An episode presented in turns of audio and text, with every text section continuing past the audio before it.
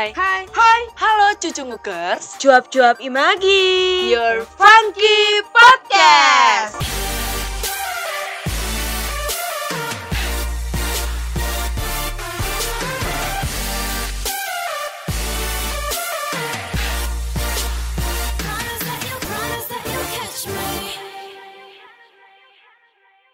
Halo Shukers, balik lagi nih sama kita di Cuap-Cuap Imagi, Your Funky. Podcast. Nah, udah lama nih kita nggak nge-podcast lagi. Pasti pada kangen kan nih? Nah, seperti biasa di sini gue Skill dan di sini gue nggak sendiri. Gue di sini ditemenin sama lancer kedua yaitu Sama gue Buung Puyuh. kita kembali lagi bersama Bulung Puluh dan Skill di Ya. sini. Nah, di podcast yang kali ini nih, bacotan desain kali ini kita bakalan ngebahas tentang apa sih Bulung Puluh? Pokoknya sesuatu yang seru-seru banget dah. Terus juga pastinya bermanfaat banget sih. Jadi Iya, kita bener tuh bakal ngebahas mengenai buat apa sih ngedesain. Dan seberapa penting gitu portofolio ya kak? Ya nggak sih? Iya betul banget. Jadi sebenarnya tuh kita bakal ngebahas buat apa ngedesain dan lebih utama itu adalah kita bakal ngebahas portfolio. Nah kali ini tuh kita bakal ngebahas tentang seberapa pentingnya sih portfolio bagi anak desain. Buat anak-anak desain nih pastinya kan juga pasti pernah kan bertanya tentang apa sih portfolio ini, apa sih pentingnya dari portfolio ini. Dari awal banget nih kita masuk kuliah tuh dosen-dosen tuh pasti kalian udah pada denger kayak kita tuh wajib banget gitu untuk punya portfolio gitu kan. Karena nanti ini tuh bakal kepake gitu loh. Jadi tugas-tugas kita tuh wajib kita jadiin portfolio gitu. Nah khususnya juga untuk teman-teman dengerin podcast ini nih kita bakal obrolin langsung nih sama gestar dari pakarnya portfolio pokoknya nanti gestarnya bakal kita tanya-tanya tentang portfolio yang lebih detail ya nggak Bung Puyo? Iya bener banget. Udah Nah. udah ahlinya ini mah. Nah, portfolio itu sebenarnya harus udah jadi fokus nih untuk anak-anak desain dari tahun-tahun awal kuliah sih, kalau menurut gue ya. Tapi sebenarnya sih tenang aja sih, walaupun sekarang udah semester semester berapa, gak pernah ada kata terlambat gak sih? Bener bener. Emang eh, sebenarnya emang udah harus direncanain gitu dari awal-awal kuliah sebelum nanti eh, mau masuk dunia nyata. Wah, dunia nyata. Dunia nyata kayaknya kalau udah mulai masuk semester-semester akhir gitu. Iya bener banget. Nah, untuk kayak teman-teman nih yang lagi dengerin podcast ini nih ya, masih nggak sih kayak kita tuh peduli gitu sama portfolio gitu? Ya pasti harus peduli sih ya. Sebelum mulai materi portfolio ini, gue sama Buyung Puyu bakal ngasih nih iya. kalian kayak lima alasan kenapa sih kita tuh Oh harus punya portfolio. Weh jangan. oh jangan tentang sekali portofolio. Ya pokoknya ada lima alasan nih kenapa nih kalian tuh harus banget punya portfolio atau portfolio itu kenapa penting. Kayak yang pertama nih, portfolio itu menunjukkan kemampuan kamu. Kalau menurut gue tuh portfolio kan merupakan kayak gambar-gambar, tulisan-tulisan yang dibuat sama kita sendiri gitu dan pastinya itu kayak kemampuan kita, skill kita, terus dengan kita punya portfolio itu pasti bisa lebih mengarahkan ke kemampuan kita gitu loh untuk menghasilkan suatu karya. Jadi nanti kalau misalnya kita Benar. kerja atau apa, apa sih kayak yang wawancara kita atau HRD di tempat yang kita mau kantor itu bakal ngewawancara kita tuh dapat ngelihat gitu seberapa besar kemampuan yang kamu milikin. Terus yang kedua portfolio itu bisa menunjukkan kayak eh, apa ya pengalaman kamu gitu. Kita semua tuh pasti udah tahu kan kalau misalkan profesi misalkan kayak gini nih contohnya profesi model pasti kan pernah tuh difoto untuk berbagai majalah terus kayak produk atau apa gitu. Nah biasanya tuh si model ini menjadikan hasil foto mereka itu jadi portfolio bagi diri dia. Misalkan model A nih pernah ngikutin ajang perlombaan modeling atau mungkin dia lomba foto apa foto apa. Nah hal itu tuh bisa menjadi portfolio si model itu. Biasanya kalau misalkan model menghasilkan suatu foto atau dijadikan portfolio, pasti dia memberikan kayak keterangan untuk apa foto itu, di mana foto itu, dan akan diterbitkan di mana foto itu, gitu kan. Dengan begitu kayak fotografer atau apa tuh mengetahui gitu di mana si model tersebut pernah berkarir. Biasanya kalau misalkan model tersebut pernah bekerja untuk perusahaan-perusahaan besar, terus fee-nya model itu juga besar gitu kan, saya itu kayak kredibilitas dari si model pun gak akan dipertanyakan kembali gitu hal ini berlaku karena si model ini punya portfolio. Jadi kayaknya fotografer-fotografer itu bakal apa ya bakal pasti ngeliat lah karir jenjang karir si model ini gimana. Makanya model ini bisa menjadi model yang fee-nya juga bisa makin besar gitu karena portfolio. Terus yang ketiga nih alasannya. Cobalah anda belum puyuh. Uh, yang ketiga itu portofolio membuat percakapanmu lebih terfokus ketika nah, kamu bener. memiliki atau membawa portofoliomu kamu dan juga pewawancara uh, akan memiliki pembicaraan yang lebih fokus gitu. Yaitu mau ngebahas portofolio yang kamu miliki coba bayangin kalau kita nggak punya portofolio gitu. Gua rasa sih obrolan sama si pewawancara kan jadi luas. Iya benar nah, banget sih. karena jadi kayak kita punya satu satu tujuannya ya. Iya benar nah karena pembicaraanmu dengan pewawancara akan lebih fokus ke satu arah kamu pun dapat menyiapkan diri atas mm-hmm. pertanyaan-pertanyaan yang uh, mungkin ada ditanyakan ditanyakan uh, kepadamu eh kepada kita ya kita Pokoknya mau diwawancara lah ya. Ya, benar. Nah, betul betul. Nah, terus kayak alasan selanjutnya tuh ada juga kayak untuk menunjukkan progres atas kemampuan kita nih. Kayak portfolio kamu tuh kan merupakan suatu bukti kan bahwa kamu itu memiliki proses di setiap pekerjaan kamu terus kamu punya juga proses dari skill-skill kamu yang kamu buat gitu. Misalkan gini kayak kamu seorang bekerja di ranah desain grafis nih kayak kita nih tiap harinya kan kita ya, ngebuat tugas kan kayak gambar lah atau desain lah yang dibutuhkan. Apalagi kalau misalkan kita nih kayak kuliah sambil kerja kerjanya freelance freelance gitu lah jadi kan kita punya klien nih.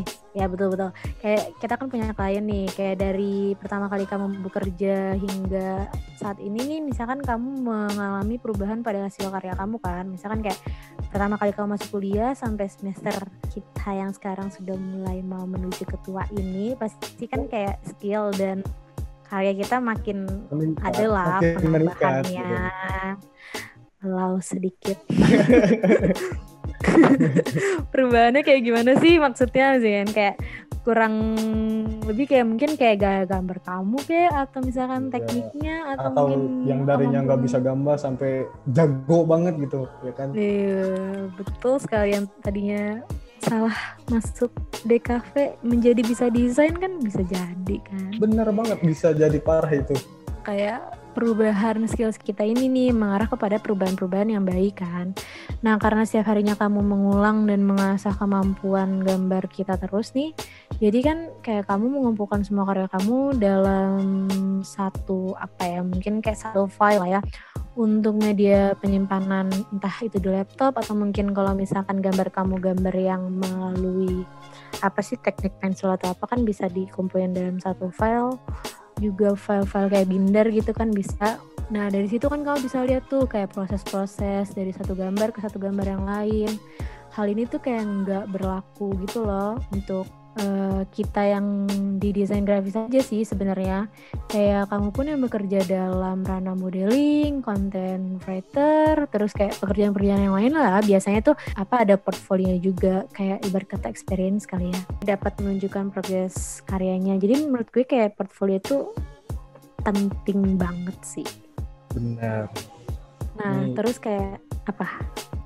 Enggak, lanjut lanjut Hai, kira Anda ingin me, apa berkomentar gitu. Nah, yang terakhir tuh kayak ada juga nih kalau menurut gue kita itu bisa portfolio itu bisa membantu kita dalam berkomunikasi pada saat kita nanti interview atau misalkan kayak kita mau kerja nih. Ketika kamu ditanya nih sama si pewawancara gitu atau HRD misalkan apa aja sih kemampuan lo gitu kan kayak rasanya kayak kurang memuaskan kan kalau misalkan kita cuma ngejawab ya saya, saya cuma saya cuma bisa gambar ya kalau misalkan ada portfolionya itu kan kita kan ngomong nih iya saya bisa gambar pak misalkan gitu. Tapi kan ada portfolio itu jadi kayak realitanya gitu nggak ekspektasi ngomongan doang gitu nilai nilai tambah gitu kalau nilai tambahnya. Jadi kan nanti kalau misalnya tanya oh kamu bisa gambar? Coba kayak saya lihat gambar kamu kayak gimana. Nah kita punya kan tuh karya-karya kita yang memang udah kita kumpul-kumpulin Nah, biasanya tuh biar lebih memuaskan juga kan kamu bisa menunjukkan gambar-gambar yang kita udah buat sebelumnya, terus uh, karya yang bisa dijadiin bukti lah untuk ke nanti si wawancara kita. Jadi dia ngelihat bukan cuman kayak omongan kita doang gitu loh. Benar. Begitu sih kalau untuk alasan-alasannya. Sebenarnya banyak sih alasan portfolio itu. Emang portfolio itu sangat penting. Nah karena kita dari tadi membahas hanya kita berdua kan? Kita berdua ini Iya. belum terlalu berpengalaman ya say bener banget. Jadi kita kan masih belajar. Iya betul kali. Jadi kita akan mempunyai gestar yang sangat lebih mengerti tentang portfolio. Apa kita langsung panggil aja atau gimana nih? Langsung aja lah biar cepat. Oke Oke. jadi kita cepat mengerti bener Jadi- banget. So, jadi kita di sini ada Miss Tata. Halo, halo Miss Hai Saskia, hai Raka, hai semuanya, hai Imagi. Selamat Halo. malam. Makasih ya Miss. Mau kita ulik-ulik mengenai portfolio ini nih. Atau mungkin Sama-sama. sebelumnya Miss Tata mau memperkenalkan diri dulu Oke, makasih Saskia. Hai semuanya, perkenalkan nama saya Tata. Hmm, saat ini saya sebagai staf pengajar di DG. Ah, terus saya udah ngajar di FIK tuh dari tahun 2012 Tuh, lama gitu. ya Itu aja sih, singkat aja. lama ya iya ya, lama ya. kita belum ada iya. Kalian masih pakai seragam. iya ya Allah. Kita belum memikirkan desain. Nah kayak eh, Miss Tata sekarang kesibukannya lagi ngapain nih Miss? Kan atau mungkin mau tahun baruan liburan gitu. Atau mungkin di rumah aja Miss karena Hmm. corona takut.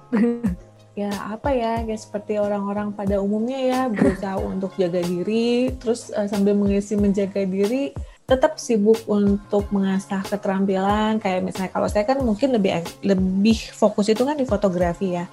Jadi saya usahakan tiap hari itu selalu foto eh, walaupun hanya pakai misalnya eh, iPhone gitu kan nggak pakai kamera Iya. Eh, itu kenapa sih saya harus lakukan bersama halnya teman-teman yang selalu yang senang ilustrasi itu kan pasti mungkin ya tiap hari tuh coba ah eh, satu garis gitu kan ngegambar satu garis terus seperti itu karena apalagi dengan masa pandemi kayak gini ini kan sebenarnya seolah-olah ya kalau kita nggak bisa memanfaatkan waktu kita tuh jadi kayak punya waktu untuk banyak merenung gitu loh Iya betul. Mm-mm, Gimana jadi banyak yang terpikirkan ya Miss. Lebih baik Iya, kita jadi berkarya. sesu- Nah itu daripada merenung yang enggak-enggak dan yang halu gitu kan, mendingan ya udah, mending kita asah aja gitu. Jadi dengan begitu kan kita juga nggak terlalu apa ya, nggak terlalu mikirin corona lah, walaupun kita juga tetap jaga jaga diri ya, yang 3M Iya. seperti itu. Semoga kita sehat Gitu, selalu ya.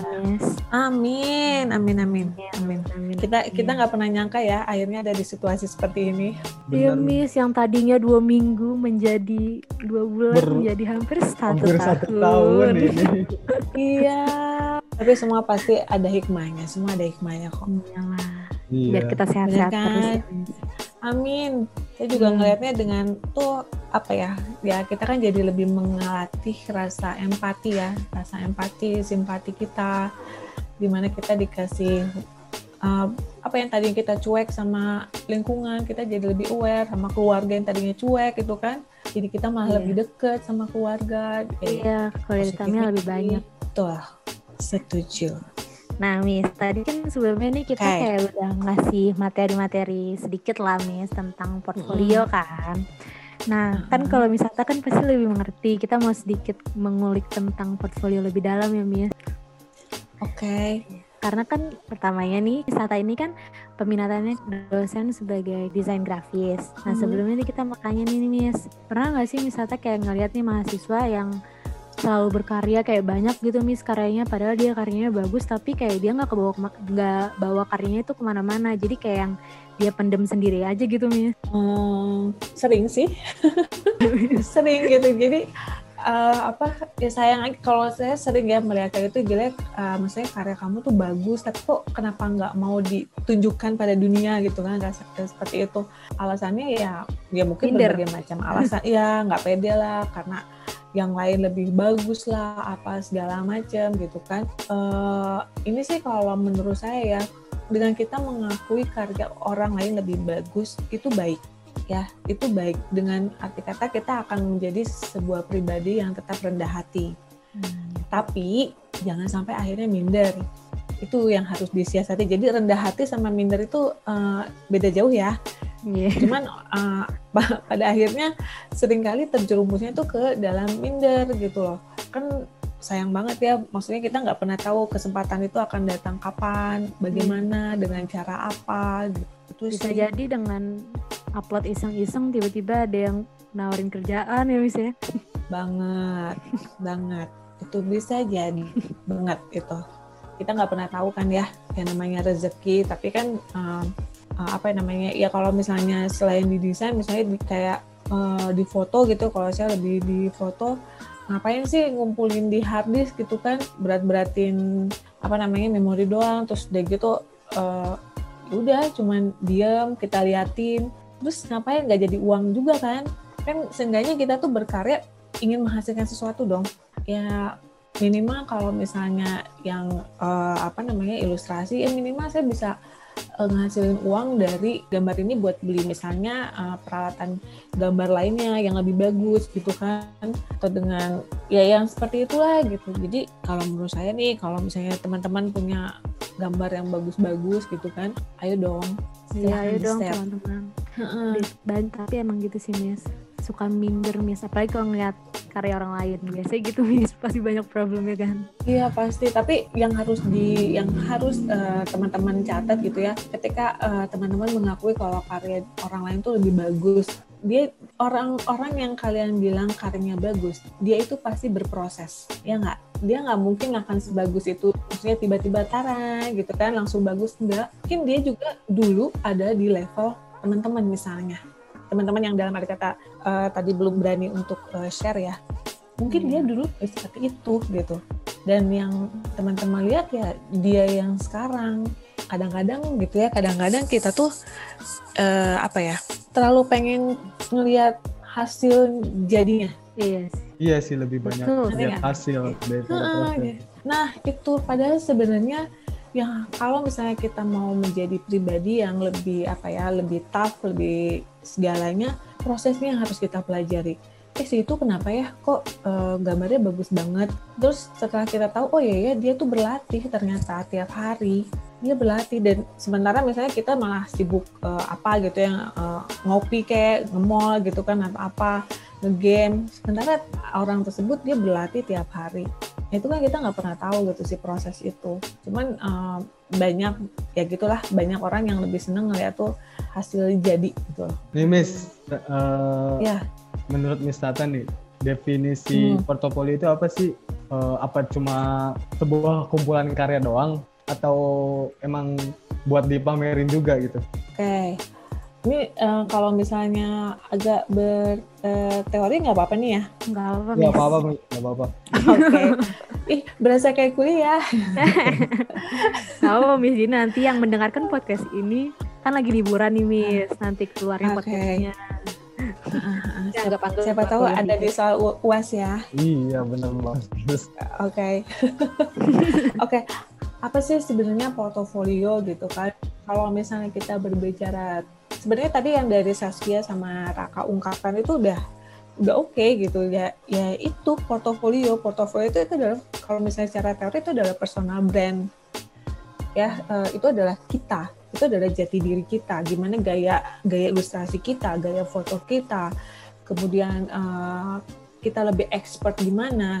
Nah itu adalah kita gitu. Jadi portofolio adalah personal brand.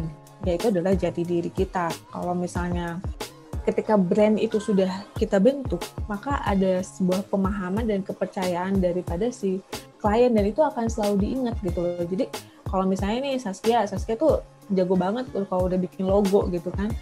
Orang tuh akan tahu oh ya udah Saskia aja Saskia aja kalau bikin logo. Nah itu Hmm. adalah portofolio. Kalau misalnya secara singkatnya ya gitu Saskia Raka. Nah, apa kalau menurut Miss tuh karya-karya yang kayak kita masukin ke portfolio ini ya Miss, itu tuh karya sebuah project resmi kita aja atau maksudnya kayak project besar yang jadi bisa masuk ke portfolio atau bisa kayak tugas kuliah kita bisa juga atau mungkin hasil-hasil latih latihan kita juga bisa masuk ke portfolio atau mungkin project gede aja gitu. Jadi gini, kalau eh, sebaiknya adalah kita mempunyai manajemen portofolio. Jadi seperti yang tadi Saskia sama Raka ungkapkan, misalnya ada portofolio yang lebih berbicara tentang proses proses kita dari tingkat satu sampai dengan misalnya tingkat akhir gitu kan. Kita akan melihat nih eh, apakah kita ada eh, perkembangan nggak sih di desain gitu kan. Nah kemudian ketika kita mau terjun ke industri, nggak mungkin dong kita ngelampirin uh, portofolio sejarah hidup kita gitu kan ya. Iya. dari mulai Mungkin dari dari mulai gambar yang zaman-zaman TK gitu.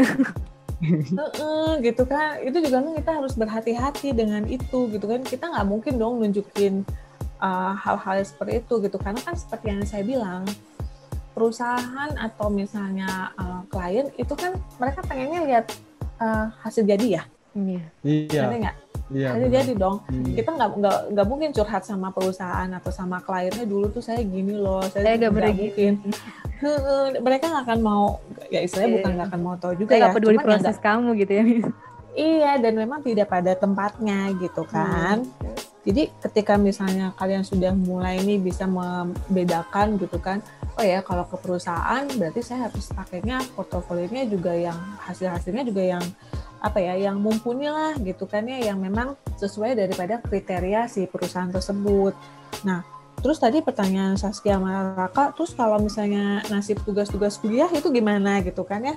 Dia tuh Miss kayak Seperti yang saya bilang, kan kayak misalnya tugas kuliah itu juga memang harus kalian bikin sebuah portofolio tapi itu lebih kepada pribadi begitu sampai Iya, kan mungkin yang ya kalau misalkan misalkan Miss kan tugas kuliah itu kan kita ada yang kayak SDKV atau mungkin logo terus kasih gitu-gitu. Itu yang dimasukin portfolio itu semua jenis desain atau maksudnya ngerti kan Miss? Maksudnya kayak satu-satu aja Iya. gitu kayak ilustrasi ilustrasi aja gitu logo logo aja gitu. Sebenarnya sih kalau misalnya mau manajemennya rapi itu tuh tadi mestinya satu-satu gitu sih Saskia. Cuma kadang ya anak desain gitu loh. Semuanya. Kan kadang suka agak eh, eh, saya punya suka agak semua skill gitu ya oh ya saya hebat gitu kan saya bisa semuanya gitu kan. Cuman kalau misalnya pengalaman saya nih ya saya share sedikit sih sama pengalaman saya. Terus saya juga berusaha untuk melihat gitu kan ya. Eh, dulu kenapa sih kok saya eh, misalnya ngelamar ngelamar ke satu perusahaan kok susah banget ya gitu kan terus udah gitu waktu kapan gitu saya juga pernah apa menjadi HRD-nya juga gitu kan ya. Ini kenapa orang ini bisa nggak diterima gitu atau segala macam. Ternyata adalah kuncinya fokus. Ketika misalnya eh, misalnya nih anda mau ngelamar ke satu perusahaan misalnya lagi-lagi saya berbicara fotografi misalnya ya.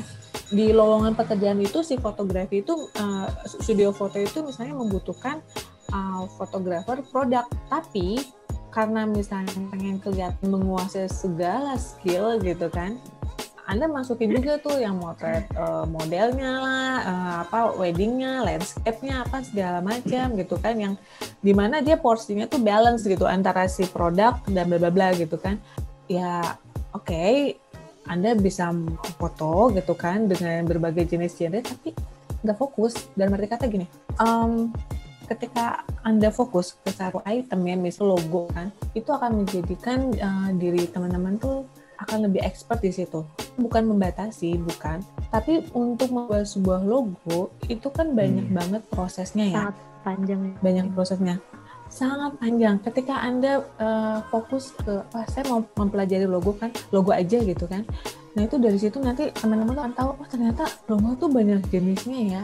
Oh ternyata tren logo itu akan seperti ini dan itu Anda akan semakin di apa ya diri kita tuh menjadi mahal ya tanda kutip Iya, karena tidak karena ada Uh-uh. proses gitu ya Iya, semakin kita detail mempelajari sesuatu, itu justru akan memperkuat jati diri kita. Dan kita akan lebih istilahnya apa ya, eksklusif lah.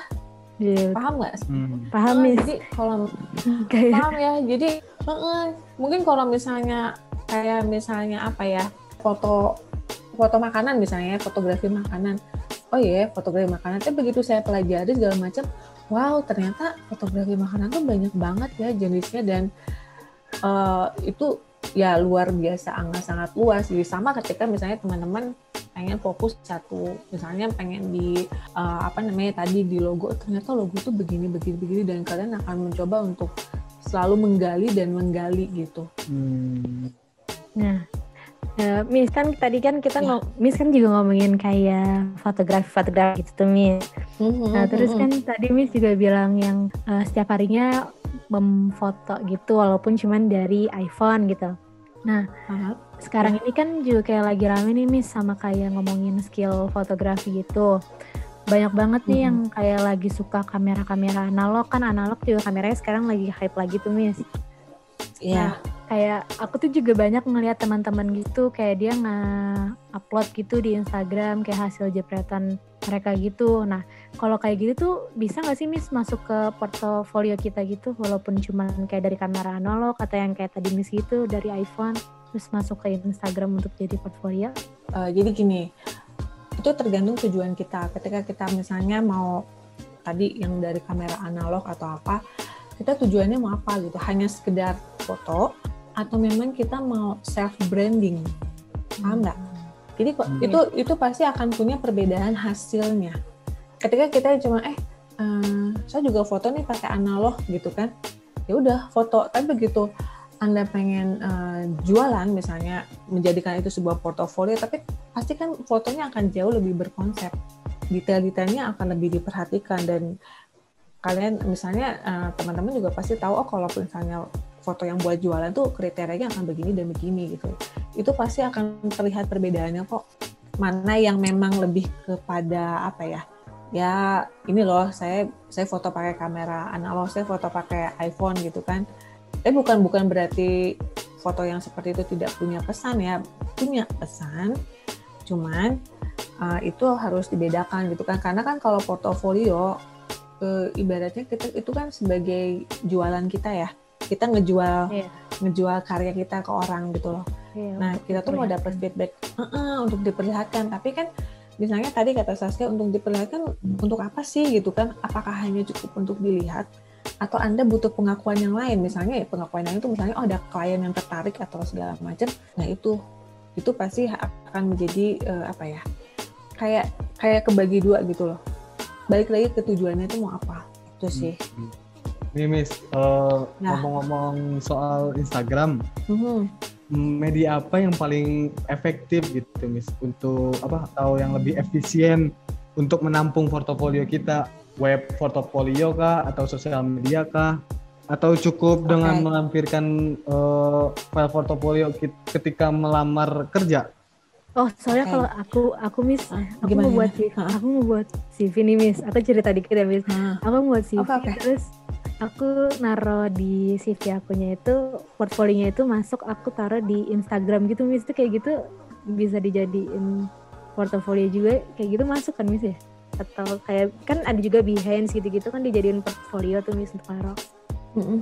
Kayak kayak gitu-gitu Oke. efisien gak sih sebenarnya sih uh, kalau misalnya jadi gini uh, selama si medsos itu dia akan berbicara tentang portofolio kalian ya itu akan berbicara itu kan uh, sebenarnya gini ketika ketika kita melamar sebuah pekerjaan ke satu perusahaan itu kan perusahaan tuh pasti seenggaknya akan nyelidikin kita kan Hmm. ini siapa nih gitu kan karyanya seperti apa gitu kan nah dengan melampirkan sebuah link yang memang hanya berbicara karya kalian itu jadi kalau misalnya nanti lampirin link karya kalian tolong ya jangan dicampur adukan dengan uh, curhatan-curhatan gitu kan jadi Itu Jadi memang portfolio saja.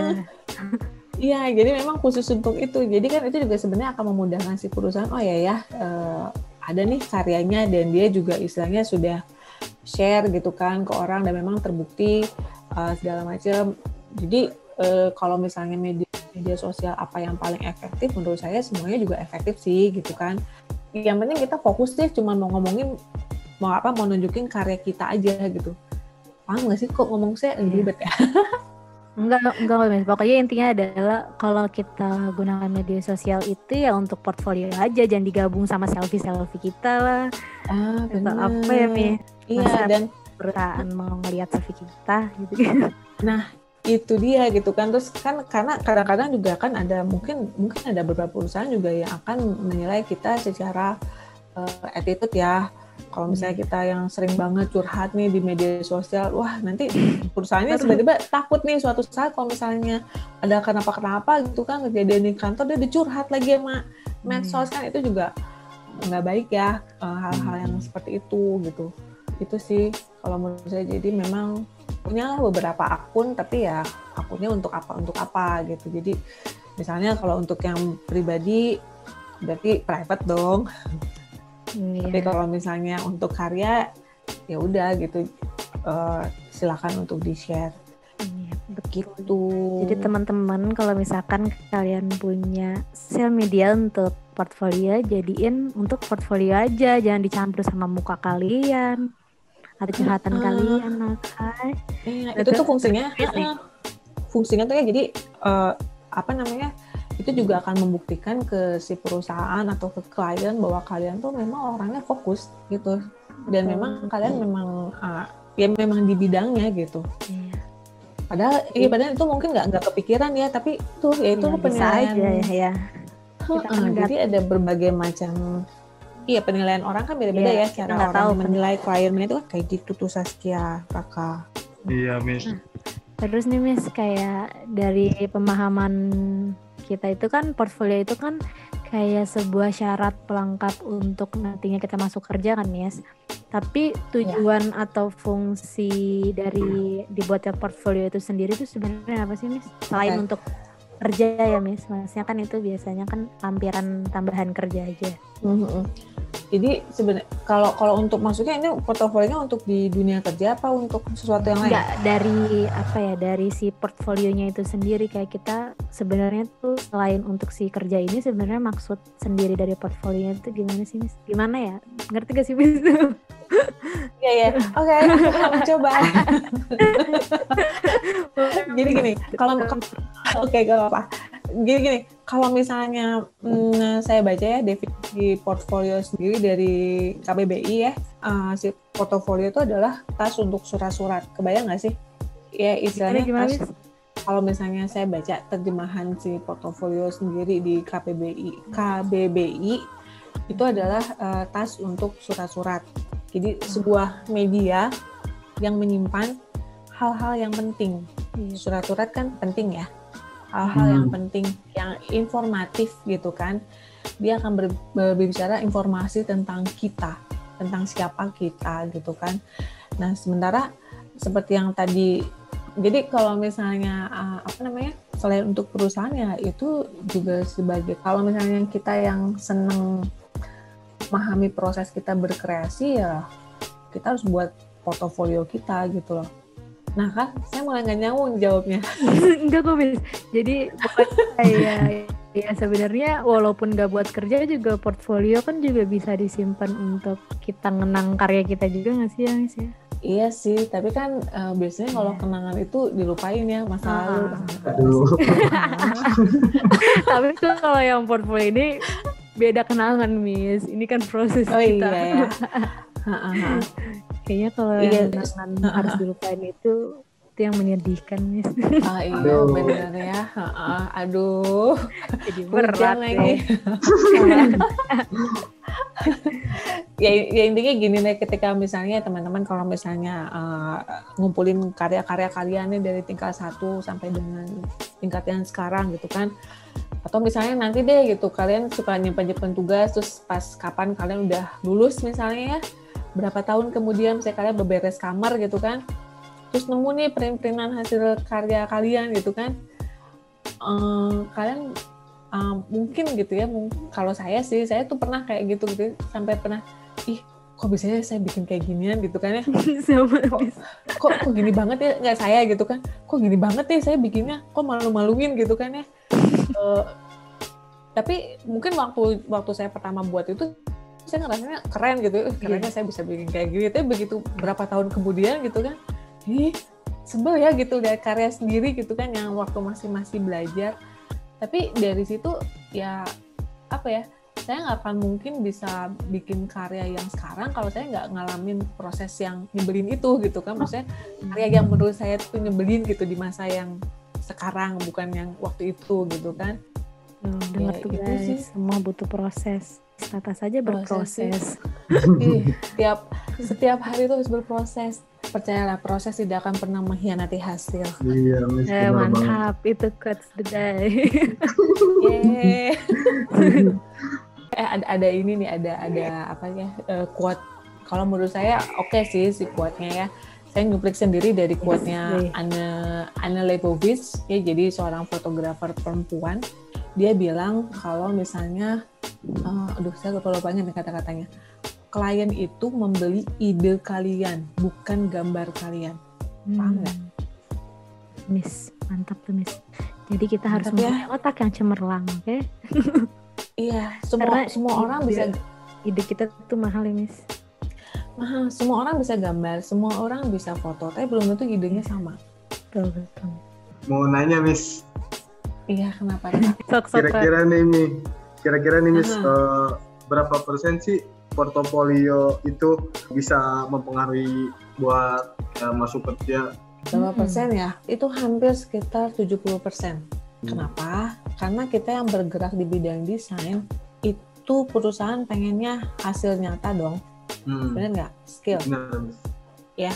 Kalau misalnya portofolio Anda tidak berbicara apa pun, ya mungkin perusahaan juga ya agak enggan mau untuk karena ya mereka bergerak di bidang yang realistis yang nyata gitu. Oh ya lu punya skill mana tunjukin oh ini portofolio saya oke gitu kan. Hmm. kayak gitu. Jadi nggak cuma ngomong doang, kita bisa gambar Pak. iya bener. Tapi ada yang har- harus di, di di ini nih di apa namanya eh, ketika misalnya nanti teman-teman mau misalnya ngelamar pekerjaan atau misalnya nanti KP eh udah KP belum ya belum ya? Eh, untuk kita sih Eh, tahun depan Miss. Oke, jadi gini, biasakan adalah ketika kalian melamar ke sebuah perusahaan, kalian pelajari dulu nih perusahaannya. Ya perusahaan itu bergerak di bidang apa sih? Misalnya di eh, perusahaannya di bidang desain, tapi desainnya tuh yang biasanya di apa ya dirancang sama perusahaan itu yang seperti apa gitu kan? Itu kenapa kita harus mempelajari itu gitu, sehingga kita mengetahui ketika anda diwawancara sama HRD-nya dan bukannya berarti nanti kepo atau stalking ya, tapi eh, si perusahaan itu kan pasti oh seneng ya dengar apa ya misalnya calon pelamar pekerjaan tuh dia tahu tentang perusahaan kita dan mereka juga kan bangga ya. Oh berarti perusahaan saya nih dikenal nih gitu kan. Dan rupanya si klien ini juga eh, sopan ya. Dia mau tahu dulu tentang perusahaan kita tuh apa. Jadi jangan sampai ketika melamar pekerjaan si HRD-nya nanya Anda tahu kalian bergerak di bidang apa? Eh, apa ya? Eh, nggak tahu ya. Wah itu sih ya gitu deh gitu kan. Kayak jadi eh, paham, paham. Jadi ketika kita itu juga bisa jadi nilai plus gitu nggak sih saat kita tahu si perusahaan ini. ih banget banget. Tapi kan eh, ada batasannya ya gue sampai nyelidikin sampai gimana banget kan. Ah gitu kan yang, yang penting kita tahu perusahaan itu oh ya oh iya ini perusahaan ini yang eh, waktu itu kan ngedesain misalnya iklan eh, sebuah produk kecantikan yang brandnya ini eh, seperti ini Nana perusahaan itu kan pasti akan wah bagus nih ya maksudnya yang eh, calon pelamarnya tuh dia istilahnya apa ya ya terbuka terus mau untuk mempelajari sesuatu hal yang baru lah kayak gitu Jadi kayak mereka juga walaupun dia belum kerja di sini dia juga udah tahu nih tentang perusahaan gitu ya Miss. Iya, ya kita balikin aja deh misalnya Saskia gitu ya sama Raka nih punya perusahaan gitu kan ya. Terus tiba-tiba saya mau ngelamar nih gitu kan, eh, saya mau ngelamar ini. Oh iya, terus Saskia sama Raka melontarkan apa yang kamu tahu tentang perusahaan kami gitu kan. Nah itu kan harus harus dijawab kan, maksudnya jangan sampai eh, apa ya ya ini perusahaannya namanya ini bergerak di bidang desain. Oh, oh ya, terus kan itu juga pasti Saskia sama Raka kan butuh jawaban yang lebih gitu kan ya.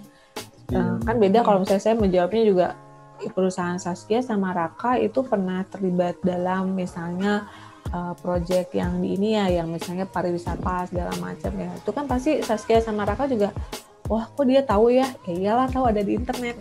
Nggak nggak sih nggak usah dijawab yang itunya. Ya lah, kan saya baca dulu kan saya kepoin anda dulu gitu. Uh, iya saya kan stalking berapa di sini gajinya? Karena saya ingin gaji besar gitu. Iya wow Miss nih terus kan Miss kan udah berpengalaman ya kayak ngelamar-ngelamar kerja gitu Miss nah di Hmm. dalam kerja tuh lebih penting portfolio kita atau IPK sih Miss kan ada tuh yang kayak IP, IPK IPK-nya harus gede gitu biar bisa masuk perusahaan ini gitu Oke, aduh ini jawabannya gimana ya? Jadi gini, ada ada beberapa perusahaan juga memang yang menerapkan um, ini standar ya, standar minimal di IPK. IPK eh, besar penting, tapi kalau nggak didukung sama portofolio itu juga um, mungkin kurang ya. Jadi alangkah baiknya IPK besar tapi portofolio juga oke gitu. Terus gimana nih kalau misalnya IPK saya cuman segini gitu kan? Uh, tapi portofolio saya tuh uh, bagus terus gitu pengalaman kerja saya banyak.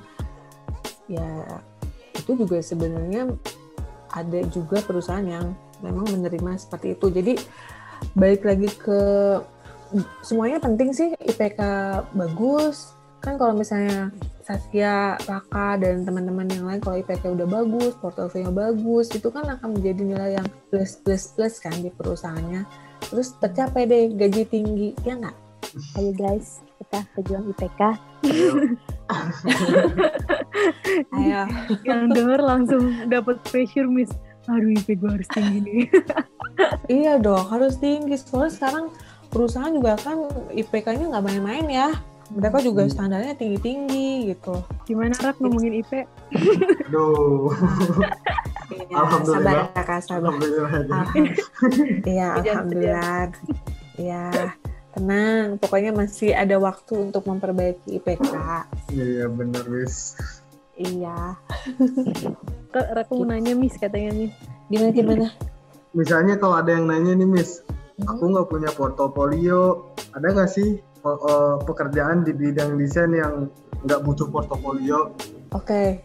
Itu tadi saya udah mau jawab loh. saya mau jawabnya apa coba? Masa gitu kan? masa sih kamu orang desain tidak punya portofolio gitu Iya, ya tadi kan yang namanya desain itu kan kita butuh hasil nyata ya. Kalau misalnya uh, teman-teman nggak bisa melamirkan itu, misalnya cuma, eh saya orang desain tapi saya nggak punya portofolio, Uh, oh ya, terus saya akan menilai Anda dari mana gitu. Yang membuktikan Anda seorang desainer tuh mana? Itu kan yang harus dijawab. balik lagi Gitu. tadi ke kayak ke awal ya Miss yang ngomongin dari Aha. ngomong ya saya bisa gambar tapi kalau misalkan dia nggak punya portfolio gimana kita mau tahu dia bisa gambar atau enggak ya Miss Iya, benar. Pokoknya buat teman-teman nih ya, karya itu nggak ada yang nggak bagus. Ya, semua karya itu bagus kok. Kan lagi-lagi siapa yang melihat? siapa yang melihat? Itu kan balik lagi ke taste ya ke rasa. Dan itu juga ketika kita bilang karya kita bagus bukan berarti kita kepedean ya. Tapi kan seenggaknya kita juga bikin reward dong buat diri kita sendiri. Oh saya bisa nih bikin kayak gini. Terus ya itu tadi. Coba share dong ya nggak? Coba share gitu kan. Pengen tahu nih eh, responnya netizen misalnya gitu kan sekian, uh, gitu. cuma kan eh, cuman kan kadang-kadang kelemahan-kelemahan dari kita termasuk saya juga kadang-kadang kita tuh nggak siap untuk dikritik. Iya betul Miss. kita nggak siap dikritik. Kita dikritik sedikit aja langsung baper ya. Langsung yang ah eh, nggak mau lagi ah bikin nggak mau lagi posting gitu kan. Justru harusnya ya kita harus mau dikritik dikritik tapi kita juga harus lihat kritikannya seperti apa. Kalau misalnya kritikannya memang berfokus terhadap karya oke kita terima. Tapi usahakan kritik itu juga ngasih solusi ya. Jadi jangan apa sih eh karya lu nggak bagus. Udah titik aja. Lah kan kita butuh tahu ya Iya. nggak bagusnya dari segi mana gitu. Apa yang harus diperbaiki gitu kan? Ya harusnya seperti itu. Tapi jangan sampai hmm, sebenarnya sih yang yang kalau menurut saya yang lebih mudah untuk memaafkan itu ketika kita upload sebuah karya adalah sebuah kritikan karena kalau misalnya kita di puji, ih karya kamu bagus ya gitu kan. Saya yakin untuk berkembang itu takutnya akan stuck gitu loh. Karena udah dibilang bagus. Hmm. Iya, Jadi patokannya ya udah, oh berarti karya saya bikin kayak gitu berarti ya udah udah bagus nih. Kata orang-orang udah bagus gitu kan. Jadi ketika kita bilang, eh karya kamu kurang bagus deh gitu. Heeh. Tapi itu baik lagi ke kitanya ya Iya gitu kayak misalnya eh, selain selain kalian share-share eh, karya kalian coba deh ikutin kompetisi Nah itu dia Miss. daripada Pasti yang di, yang denger di sini juga mungkin pasti ada yang pengen ikut kompetisi, cuma itu dia Miss kayak balik lagi kayak nggak pede ya kayaknya iya Miss kayak nggak pede atau enggak kayak kayaknya karya gue pas belum ini deh belum pantas deh untuk ikut ini atau ikut itu gitu nggak sih Miss? Pasti banyak deh Miss yang berpikiran kayak gitu. nah itu teman-teman itu tuh sebenarnya hmm, coba deh mulai dikurang-kurangin tuh yang kayak gitu ya kita ikutan kompetisi itu targetnya jangan pengen menang minimal gini dengan kita rajin ikut kompetisi kita akan tahu nih kompetitor-kompetitor kita tuh eh, karya-karyanya tuh sebagaimana. Dengan rajin ikut kompetisi itu juga akan lebih melatih mental kita gitu loh. Ya mental kita untuk siap menang dan siap kalah. Kalau saya dulu saya kan kebetulan dulu kalau misalnya teman-teman mencari tahu siapa saya saya dulu itu kan ya mungkin kalian masih SD mungkin ya oh my god saya itu eh, dulunya adalah senang banget ikutan kompetisi lomba foto. Kenapa? Karena saya dikelilingin sama teman-teman yang memang senang kompetisi lomba foto. Terus saya di situ ada muncul ketertarikan ih kayaknya eh, enak ya ke panggung dikasih piala gitu kan. Terus dapat hadiah hadiah kamera dapat hadiah uang gitu kan. Terus udah gitu secara nggak langsung nama kita terkenal deh gitu kan. Nah Iya, dari itu situ dia. Awalnya mungkin saya sama sama teman-teman gitu nggak pede segala macam. Aduh karya si itu mah bagus eh gitu kan. Karya ini mah bagus gitu kan. Dan untuk menjadi se- seorang juara juga jatuhnya itu wow gitu kan. Berkali-kali sampai kita mungkin ada di level putus asa kok udah ngirim karya nggak menang-menang ya? gitu kan. Nah dari situ ya eh, prosesnya adalah apa nih yang harus saya pelajari? Oh ternyata mungkin saya selama ini jarang istilahnya menggali ilmu ke orang yang lebih expert. Jadi terlalu pede sama diri sendiri. Paham nggak? Kayak kurang kurang mengerti gitu ya bisa iya kayak kayak kurang ngobrol gitu loh Hmm. sama orang yang lebih lebih jago di kita kan eh, apa namanya saya tuh pernah gitu sampai yang mikir kok kenapa ya? Saya kalah mulu gitu kan. Terus satu saat saya coba ah ngobrol sama orang yang lebih daripada saya lebih dan lebih gitu ya. Eh, nanya Kang eh, gimana sih caranya biar bisa menang? Dan coba untuk mendengar menerima saran dan praktekkan gitu loh. Sama ketika teman-teman juga misalnya ya namanya rezeki ya siapa tahu ada yang pertama kali ikutan langsung menang ada. Tapi ada yang berkali-kali harus kalah dulu kemudian menang-menang-menang gitu kan. Itu ada. Tapi seenggaknya ketika teman-teman berani untuk mengikuti sebuah kompetisi yang harus dicatat adalah kirim karya terbaik ya sesuai kriteria. Lalu yang kedua adalah lupakan. Lupakan kalau anda pernah mengirim karya itu ke kompetisi tersebut. Pengen tahu nggak kenapa harus dilupakan? Karena kalau diingat-ingat itu kalian pasti mengharapkannya adalah kemenangan. Iya. iya sih Ntar Iya, saat begitu. kalah jadi Nah. down. itu. Jadi ketika kirim karya ya udah saya kirim aja. Serah tapi walaupun akhirnya kepo ya siapa sih yang menang gitu kan ya. Cuman ya itulah yang namanya kompetisi. Karena kalau kita udah pengen kompetisi menang itu pressure-nya akan beda. Itu pressure-nya akan beda. Kita jadi mungkin ada yang bisa keluar idenya lebih all out tapi ada juga yang pada akhirnya mentok. Karena udah ke pressure pengen menang duluan Nanti apa yang udah dia di, di ekspektasi kayaknya gue bakal menang terus tiba-tiba kalah malah jadi nggak mau lagi ikut-ikut kayak gitu Miss. Iya, saya pernah di posisi itu soalnya. Yang ngedown sih, sampai nggak mau ikut pundung gitu ya. Eh nggak mau ikutan lagi, lombanya kalah mulu, capek gitu kan. Udah hunting ke sana ke sini gitu ya. Cuman ya, ya saya akan balik lagi tantang diri saya gitu kan. Masa sih orang lain bisa, saya enggak gitu. Untuk sesuatu Tapi, hal yang baik ya. Biasanya kalau misalkan udah menang sekali suka ada aja nggak sih Miss? Jadi kayak menang lagi menang lagi gitu. ih bener. Iya kan Dan- gitu dan itu tuh eh, bener. Dan itu tuh nagih loh. Kalau udah jadi kayak udah candu ya. jadi ya ya udah deh. Jadi kayak enak gitu Miss. Biasanya kayak udah ada satu yang gol terus habis itu jadi nggak tahu kenapa jadi Terusan. ada aja yang menang. Iya benar benar benar banget. Makanya saya kalau misalnya ada uh, misalnya mahasiswa gitu ya, Miss saya menang ini lomba ini, tapi misalnya saya cum- baru cuman harapan gitu kan lomba uh, bukan harapan doa ya, tapi juara harapan gitu kan. Dan saya saya udah bilang kamu jangan berhenti ya. Terus itu itu kamu tuh kayak udah ada di link sebuah keberuntungan hokinya tuh udah kebuka gitu kan jangan jangan berhenti. Itu itu udah kebuka banget jalannya gitu. Jadi ya bener kata Saskia ketika biasanya tuh kalau udah sekalinya menang bih ngikut kemenangan-kemenangan berikutnya gitu kan. Udah gitu hati rasanya kayak semangat gitu ya. Lagi lomba lagi lomba lagi. ih. Apalagi kalau misalnya nanti eh, misalnya eh, apa sering tahu orang tuh tahu gitu kan ya misalnya eh, jadi kayak kayak nanti tuh punya fans lah gitu Iya betul. Lagi ngumpul di mana tiba-tiba ada yang nyamperin gitu kan. Kan yang menang lomba ini ya nah itu kan yang meningkatkan kualitas hidup kita juga sih sebenarnya. Dan biasanya mem- memperambah link kita juga untuk jadi kayak misalkan pasti jadi banyak kenalan fotografer gitu juga kan ya. Iya bener. ilustrator gitu yang menang-menang lomba jadi punya banyak kenalan ilustrator Iya. ilustrator yang jago juga. Bener. Atau misalnya bahkan ya kalau misalnya yang orangnya eh, apa namanya ya eh, susah ya apa bukan introvert ya apa kayak misalnya susah bergaul gitu ya. Ketika misalnya menang lomba foto itu tuh malah jadi banyak nambah teman. Karena banyak orang yang nyamperin kan. Banyak yang pengen kenal sama kita banyak tawaran-tawaran gitu kan.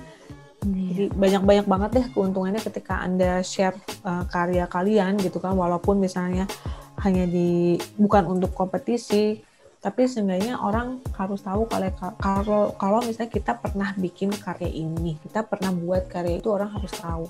Dan kita nggak perlu pengakuan orang lain ya. Untuk Iya. misalnya mau bilang bagus kayak mau bilang enggak. Yang penting lakukan buat diri kita sendiri ketika kita mau buat portofolio untuk diri kita sendiri gitu loh. Tuh. Baik lagi ke portfolio nih Miss. Oke. Kalau menurut Miss kayak portfolio itu ini tuh berlaku untuk di semua pekerjaan gitu atau hanya di bidang desain aja sih di semua bidang. Eh, bukan kalau misalnya ya yang bukan bidang desain itu kan biasanya di CV ya. Di CV kan dia nyantumin tuh bla bla bla bla bla gitu kan. Eh, tapi kalau misalnya eh, apa namanya untuk yang di, di portofolio itu kan kalau misalnya ya tadi itu kan kumpulan daripada karya-karya kita kan apa pun ya walaupun dari desain atau dari uh, segala macam itu adalah kumpulan jadi memang semua semua keilmuan itu pasti akan butuh portfolio Ya, walaupun Gitu. nggak kayak desain yang secara visual gitu kali ya iya begitu Nah. Saskia Kalau menurut Miss tuh eh, ada berapa sih elemen eh elemen ya elemen eh, gimana sih ngomongnya elemen apa ya? Elemen. elemen elemen elemen Elemen. Bukan elemen. elemen. Iya elemen elemen teman-teman. Mohon maaf. Elemen yang penting yang harus ada di portfolio tuh apa aja sih nggak apa-apa nggak apa-apa. Jadi gini kalau misalnya apa sih sebenarnya yang harus eh, penting gitu ya, ini kan ada ada ada CV ada portfolio kan. Kalau CV itu kan apa ya itu kan berbicara tentang siapa nama kita kita sekolahnya di mana gitu kan kemudian kita skillnya apa aja terus kita udah pernah ikut organisasi apa bla bla bla gitu kan. Tapi begitu masuk ke portofolio kan itu ya tadi elemen-elemen apa yang penting ya kalau dikelompokkan atau misalnya dibikin satu apa ya satu garis ya, ya kita harus berbicara tentang karya kita. Orang harus tahu ini kita melalui karya kita. Yang penting fokus deh teman-teman kalau kalau menurut saya. Dan berusaha tadi tuh yang kata Saskia Maraka jadi kalau bisa udah mulai rajin nih kita bikin per folder gitu kan ya ini folder untuk ilustrasi, ini untuk uh, tipografi, kemudian untuk fotografi. Jadi kalau sini sih jangan dicampur.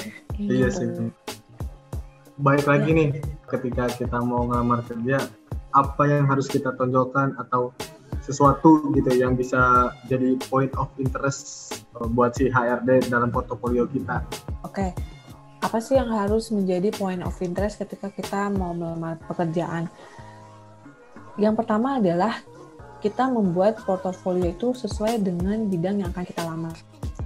Ya, itu adalah fokusnya. Dengan uh, teman-teman menyerahkan portofolio yang berbicara tentang uh, bidang pekerjaan yang memang dibutuhkan oleh perusahaan itu, maka itu akan menjadi sebuah keunggulan untuk di pelamar pekerjaan. Karena perusahaan itu penilaiannya nggak nggak cuman nggak cuman apa ya lewat karya tapi si perusahaan itu tuh akan menilai oh ini si pelamar pekerjaan ini rupanya dia fokus ya. Terus dia mau untuk memahami bahwa perusahaan kita tuh butuhnya ini. Jadi jangan sampai misalnya perusahaan itu uh, butuh misalnya ilustrator gitu kan kalian ngelampirin juga sih banyak gitu karya ilustrasinya. Tapi di situ juga bukan banyak malah kalian tuh masukinnya tuh bukan karya ilustrasinya tuh cuma berapa gitu sisanya tuh eh, tipografi lah terus videografi itu kan jadi si perusahaan kan kita butuhnya ilustrator kita nggak butuh uh, fotografer misalnya tuh. Terus udah gitu lebih kepada detail. Jadi kalau misalnya perusahaan itu butuhnya. Kadang-kadang misalnya dibutuhkan desainer grafis kadang-kadang seperti itu aja kan. Tapi untuk perusahaan tuh pasti suka ada tanda kurung tuh diutamakan yang begini. Nah kejar itunya kejar yang di tanda kurungnya itu. Itu berarti si perusahaan itu adalah menginginkan saya pengen orang yang memang menguasai di bidang ini gitu. Ada nih ada pertanyaan. Sebenarnya kayak tadi sih sebenarnya udah kejawab sih ya Miss. Cuman gak apa lah tanya lagi ya Miss. Katanya tuh apakah perlu Miss kita memasukkan desain proses kita ke dalam portfolio? Karena kan dalam proses itu ada design thinking dan ada problem solving gitu yang di mana itu juga merupakan skill kita. Menurut Miss gimana? Perlu nggak okay. Miss? Ya tadi mungkin ini maksudnya itu proses yang kayak tadi kita omongin. Oke. Okay. Baik lagi sih sebenarnya jawabannya sama yang tadi gitu kan ya. Perusahaan itu itu adalah meminta hasil jadi kita perusahaan yang paham ya perusahaan juga pasti paham gitu. Ketika melihat hasil desain kita dia tahu oh ternyata di sini ada proses ini proses ini. Itu uh, hal tersebut tuh akan langsung terbaca di karyanya uh, rekan-rekan. Ya dan sementara kalau misalnya kan kalau yang namanya portofolio kan apa ya anda kirim gitu kan ke email terus nanti akan dilihat-lihat kan sama si HRD-nya gitu kan. Atau misalnya dipanggil nih dia pasti akan lebih melihat fokus ke karyanya uh, kalian gitu. Jadi apa ya kurang lebih proses yang tadi design thinking apa segala macam itu akan terbaca total kok di karyanya rekan-rekan melalui si visual tersebut gitu loh. Berarti kalau misalnya kita uh, nunjukin hasil si perusahaan itu udah bisa menilai kan ya mis pasti. Pasti. Dia akan dia akan langsung menilai gitu. Apalagi kalau misalnya uh, apa namanya ya perusahaan itu juga kan dia pasti punya kualifikasi sendiri kan hmm. perusahaan itu pasti kan istilahnya dia sudah jauh lebih berpengalaman dia akan melihat mana desain yang memang uh, benar-benar desain gitu kan yang memang konsepnya kuat mana yang memang hanya desain hmm. gitu perusahaan juga pasti akan membeda akan bisa membedakan itu begitu Raka Siap. Wah, jadi bagaimana sudah siap ke dunia kerja? Siap. Kapan Insya Allah siap. Harus siap ya. Kita uji kemampuan kita. Tapi seneng kok namanya. Apalagi nanti kalau misalnya uh, teman-teman KP gitu kan ya. Itu kan sebenarnya proses teman-teman belajar secara langsung ya sama orang-orang di lapangan. Ngomong-ngomong KP lapangan, sekarang lagi susah mencari KP yang di lapangan karena rata-rata buka online, Miss ya benar rata-rata online. Yeah. tapi kan iya. tetap ada prosedurnya kan. Dia tetap uh, briefingnya juga tetap dilakukan segala macam gitu kan. Nanti kalau misalnya kakak kalian udah KP gitu kan pasti uh, ngerasain oh ternyata uh, bikin logo itu misalnya atau nggak usah KP deh kalau misalnya dunia kerja gitu kan. Kamu bikin logo ya dua jam jadi gitu. Uh, hmm. oke okay, gitu kan. Wah, sebenarnya kalau di kuliah kan kita berapa pertemuan ya? Uh, uh, kita cari dulu. Iya, bener. gitu tapi ya itulah kalau apa namanya semua juga proses belajar ya teman-teman. Dengan begitu kalian juga akan jadi bertambah kan ilmunya. Oh ternyata saya bisa kok bikin logo dalam dua jam gitu. Tapi logonya nggak yang asal jadi kan. Tetap semuanya Logo- proses Logo dua jam harus- itu memakai nantinya kayak apa nih arti dari belokan ini belokan itu gitu nggak ya Miss? iya dong Dipikir dengan Pasti. dua jam ya Miss? iya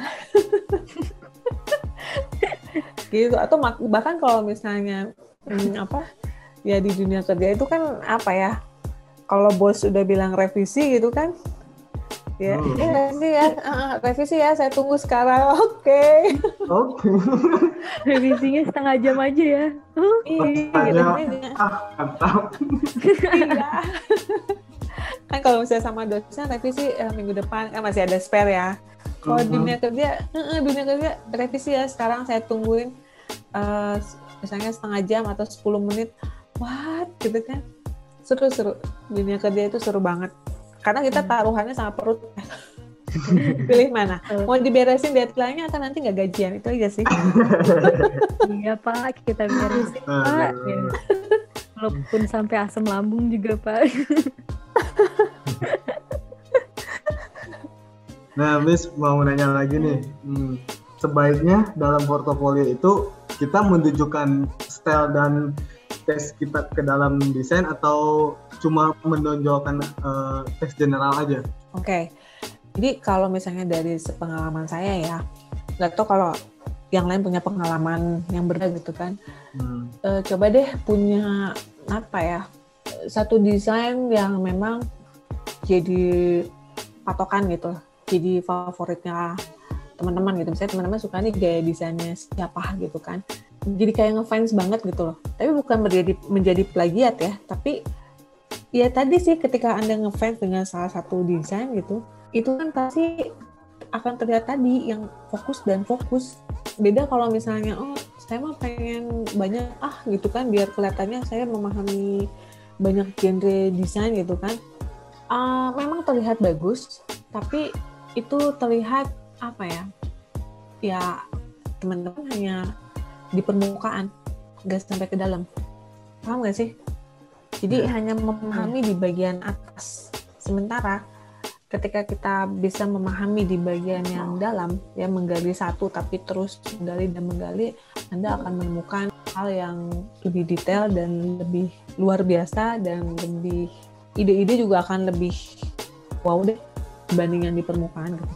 Jadi kalau misalnya saya kutip dari Instagramnya siapa eh, Rio Purba ya, jangan bangga deh kalau misalnya anda punya banyak skill gitu. Coba lebih fokus ke skill mana dan itu pelajari dengan detail. Katanya, Tapi bukan berarti kita nggak nggak belajar skill yang lain ya. Tetap belajar skill yang lain, cuman ada yang menjadi point of interestnya. Tuh guys, kita dapat lagi dari Miss Tata. Malam ini ya Allah malam Jumat. Nah, iya malam Jumat. BTW guys, kita hari ini nge-record malam Jumat. Gak tahu nih Miss kapan podcast ini akan keluar. Hari apa maksudnya? Oh iya, tolong di sensor yang yang nggak penting nggak penting ya. Nanti dipotong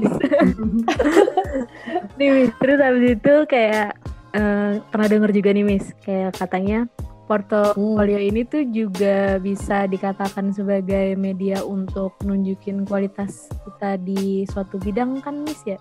Iya, Heeh. itu akan menunjukkan baik lagi portofolio itu portofolio itu jelmaan kita dalam bentuk misalnya paper.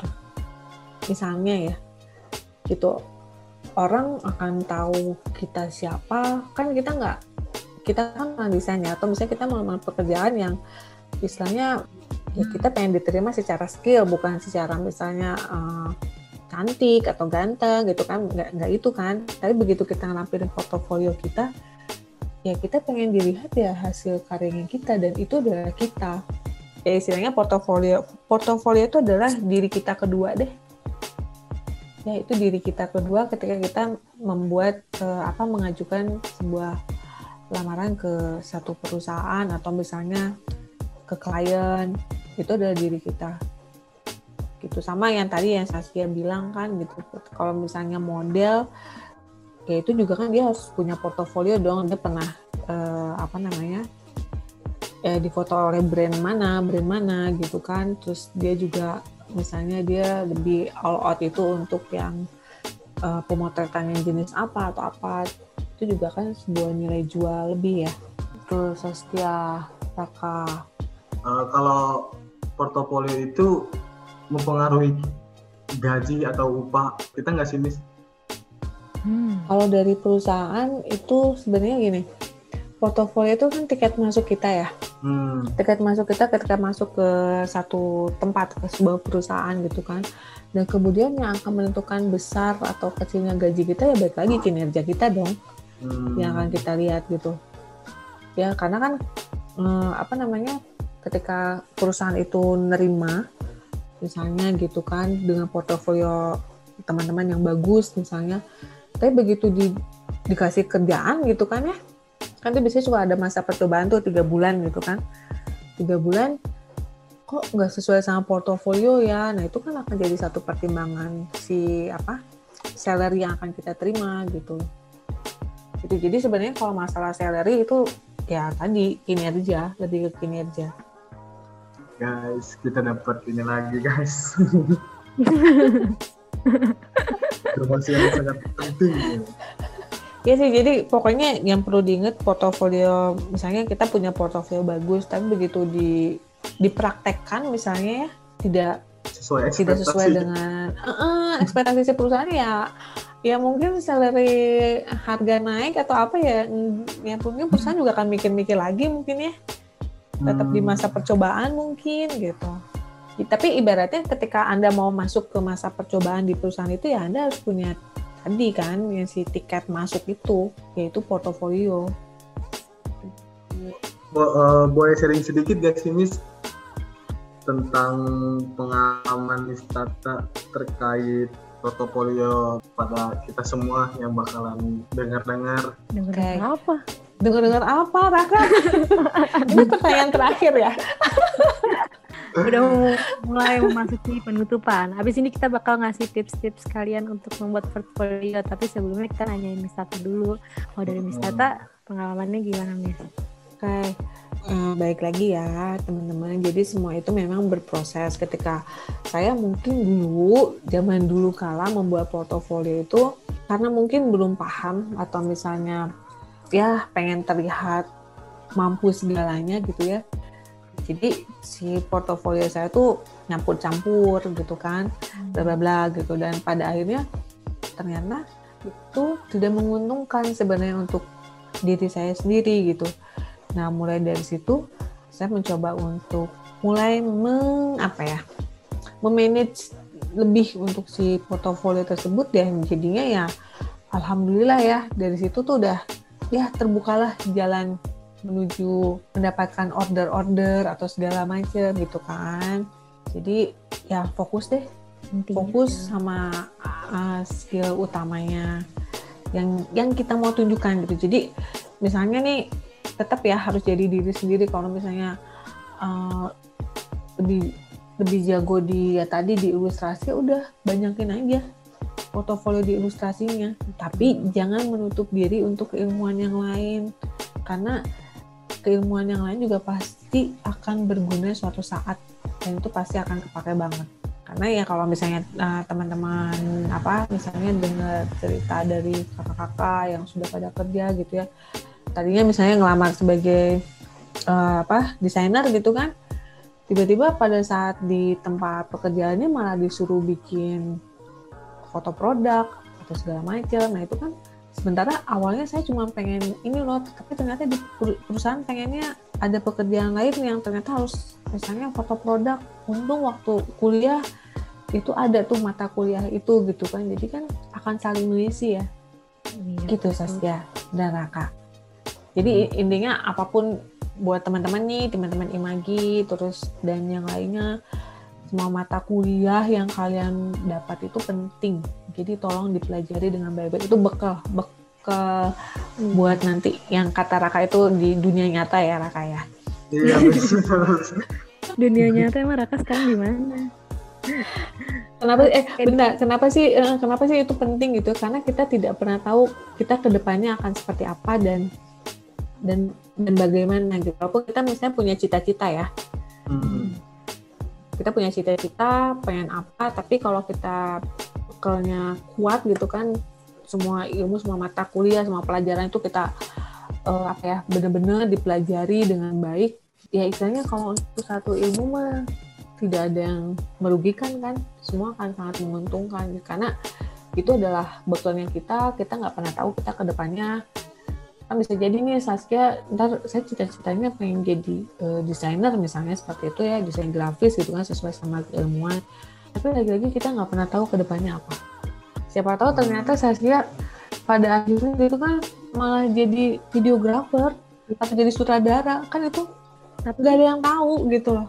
Dari pengalaman juga emang. Itu maksudnya ilmu yang lain itu penting sih Miss. Jadi misalkan aku tuh sebenarnya lebih fokus ke ilustrasi nih Miss kan kan ada skill-skill lain yang kayak bisa ngedit video gitu-gitu itu lumayan untuk kadang suka ada sedikit-sedikit bantuan misalkan ada yang minta tolong buat editin video nanti gue bayar segini kan gitu jadi kayak tambahan skill yang Iya. bisa kita ambil gitu Ih, Jadi bener kayak- banget, Sas. Hmm. Iya, terasa kan ya manfaatnya. Maksudnya, walaupun kita misalnya lebih eh, lebih expert atau lebih suka di bagian mana gitu ya, maksudnya di mata kuliah apa atau di satu bidang apa, tapi kita juga jangan menutup diri di keilmuan yang lain selama itu memang bermanfaat ya. Nggak mau kayak saya, Miss. Kenapa? Pem- Peminatannya advertising. Cuman lagi Oh ya? keadaan kayak gini, saya kalian freelance juga kayak ngedit-ngedit video punya orang. Tuh kan hebat ya. Kamu jadi ilmunya jadi nambah. Iya, Miss. Alhamdulillah Alhamdulillah banget. pada akhirnya itu ya teman-teman apa pun yang teman-teman dapatkan selama perkuliahan itu akan jadi bekal hidupnya teman-teman gitu loh untuk Hmm. survive. Iya, bener banget. Ya kita kan nanti setelah kuliah kan kita kan nggak mungkin dong minta orang tua terus gitu kan kita malah harus Iya. ngasih ke orang tua kan. Heeh. Kita juga pasti akan punya keinginan-keinginan gitu kan. Oh, saya pengen punya motor, saya pengen punya mobil. kan ya dari mana uangnya? Ya dari bekal keilmuan itu gitu loh. Yang ya tadi bener kata Raka wah tiba-tiba saya jadi ngedit video ya gitu kan. Ya, jadi memang ilmu yang dipelajarin itu pasti nanti bakalan kepake lah ya Miss. Mau- pokoknya apa, apa pun apa pun ilmunya ya mau ilmu teori ilmu praktek itu kepake semuanya Hmm. itu kepake semuanya. Ya jadi eh, jangan misalnya ah saya teorinya mau eh, biasa-biasa aja ah saya mau difokus ke prakteknya jangan. Semuanya kepake percaya deh. Karena itu sudah terbukti. Beneran itu karena ya tadi yang saya bilang ke Saskia ke Raka kita nggak pernah tahu ke depannya kita akan seperti apa. Justru kita tuh sebenarnya lagi menyiapkan diri untuk eh tadi ya Raka ya menyambut masa depan di dunia nyata itu gitu. Iya, bener. Raka udah menuju masa depan. Iya masa depan. Kan pasti Raka Saskia pengen dong aduh saya pengen ya eh, punya rumah sendiri gitu kan dari eh, dari hasil keilmuan yang akhirnya bisa menghasilkan pundi-pundi rupiah gitu kan Oke Demis, nah gitu teman-teman. Jadi kayak itulah pertanyaan terakhir untuk Pistata yang pertanyaannya niatnya sedikit tapi karena seru menjadi seperti banyak. banyak Jadi menjadi seru guys. Jadi banyak juga teori-teori yang kita lebih tahu banyak lah tentang portfolio kan. Nah, tadi kan kita udah nih bincang-bincang perihal portfolio nih bareng wisata.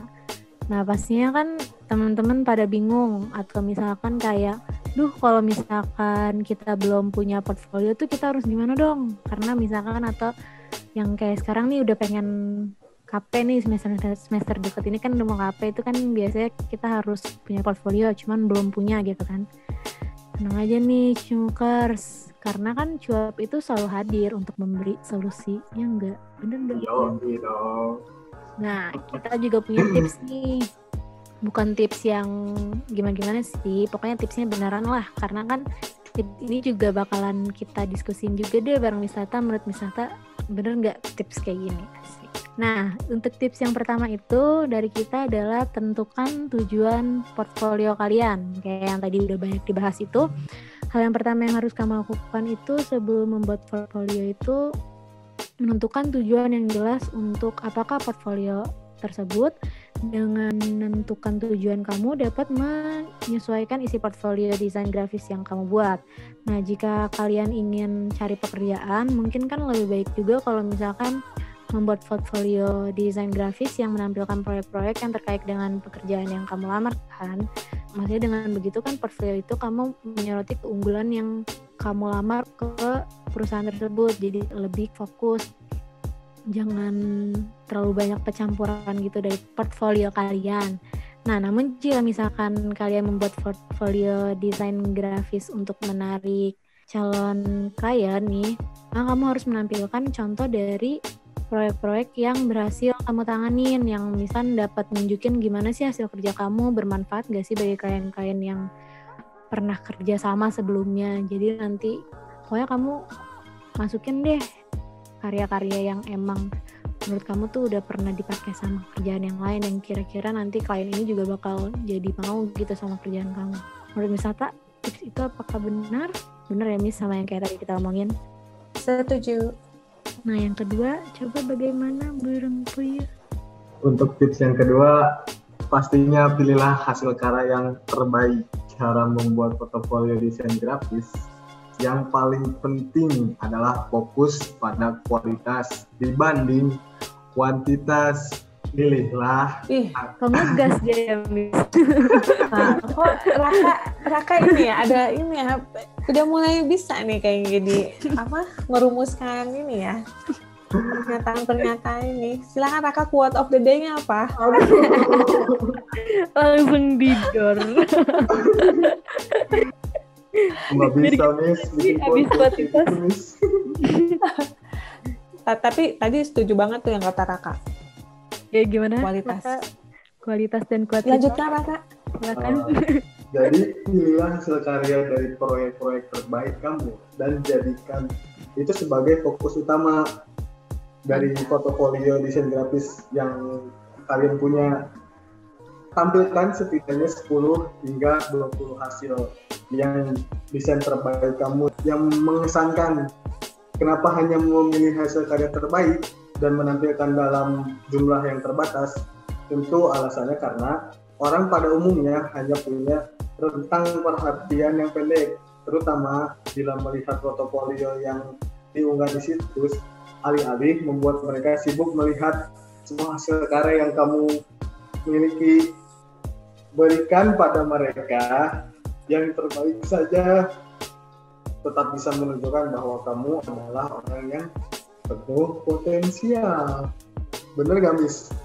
Setuju Raka. Jadi emang bener kalau misalnya ngelampin portofolio juga nggak usah banyak-banyak ya, nggak usah dibikin harus dijilid berapa gitu kan. Tapi ya tadi pilih saja yang terbaik dan tampilkan memang hanya beberapa gitu. Nah, kalau yang tadi kayak Raka bilang 20 gitu kebanyakan gak sih Miss? Apa 20 itu termasuk kayak masih standar untuk kayak 20 kayaknya banyak gak sih Miss? Kalau menurut saya sih itu kebanyakan. Karena em, apa ya, memang kalau misalnya berbicara 20 itu akan berbicara kualitas. Itu takutnya akan terjebak menjadi sebuah eh, apa namanya kuantitas.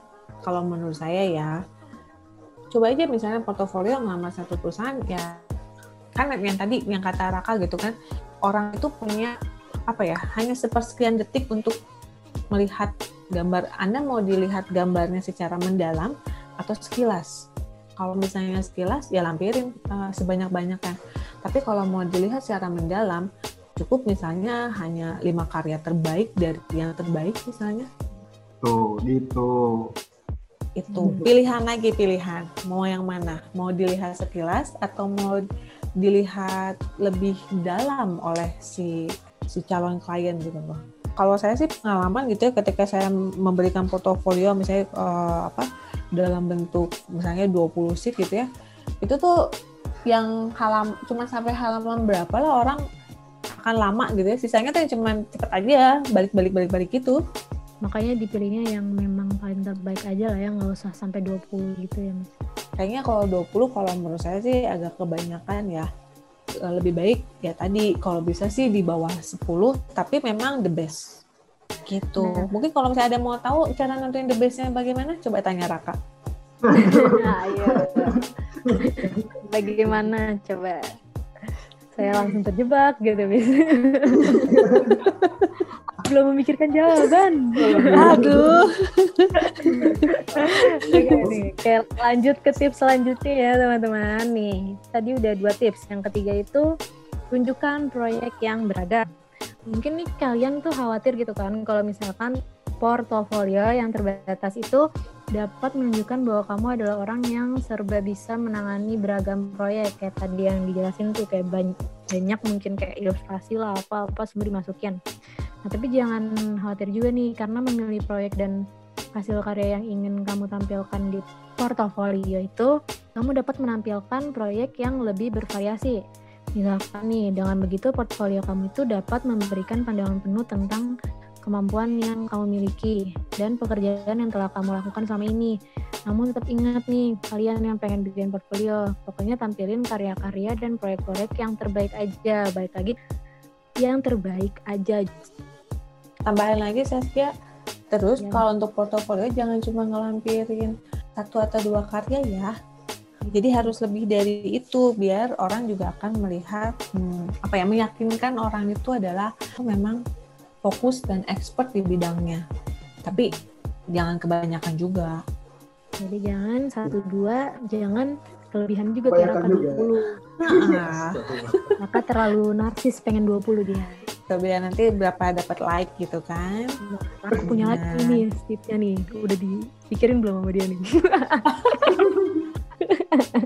Apa tips selanjutnya? Apa tips selanjutnya dari Raka?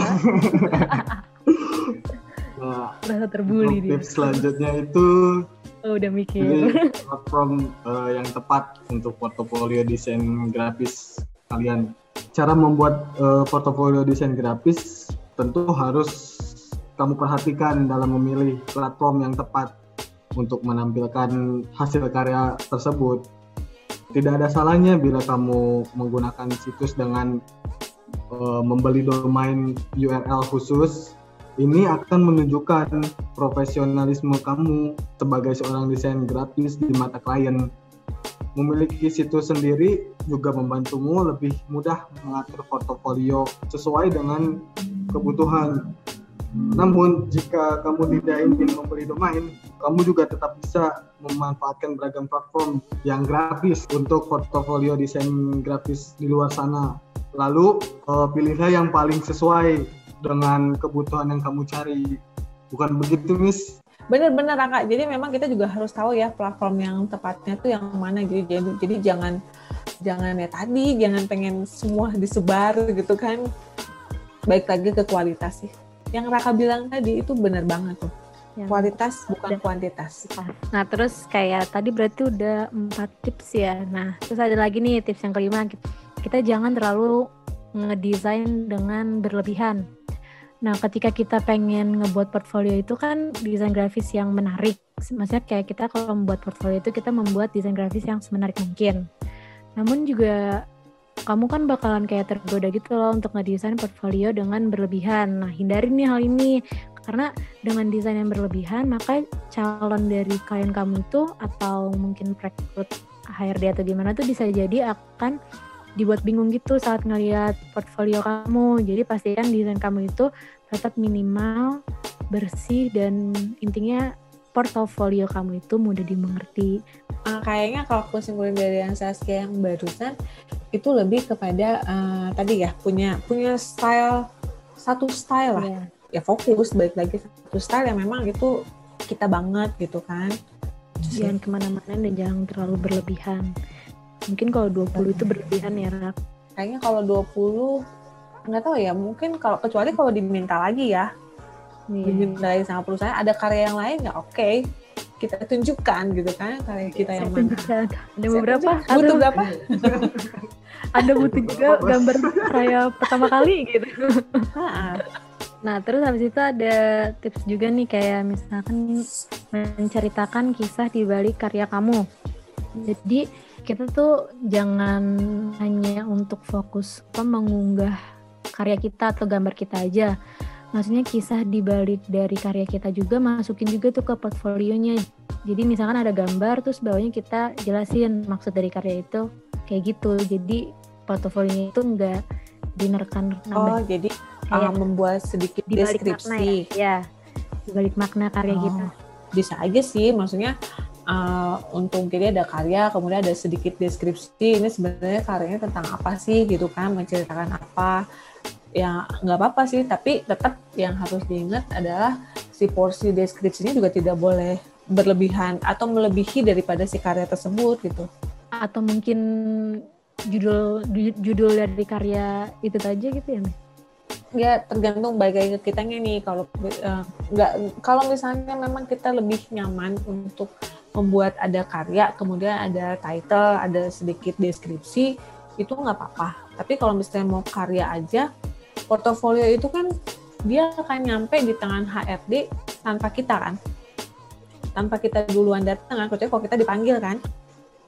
Dipanggil baru wawancara nih baru kita ngejelasin gitu kan. Ketika portofolio itu nyampe duluan misalnya ke HRD mungkin alangkah lebih baiknya adalah diberi sedikit deskripsi ini tuh tentang apa ya gitu karya tentang apa tapi jangan panjang-panjang ya tiga baris cukup lah gitu kan tiga baris beda kalau misalnya kita karena biasanya kalau misalnya ada satu visual yang disertakan sebuah sedikit teks itu lebih membantu orang untuk memahami karya kita gitu loh. Raka tidur. Oh, kakak? kakak mana ya? Nggak ada suaranya ya, Bis. Lagi nyusun portofolio, Langsung, Bis, langsung dikerjain. uh, langsung kerjain. Nah, terus kayak tips selanjutnya itu kalau dari aku juga mungkin ada eh, tunjukkan kepribadian kita gitu.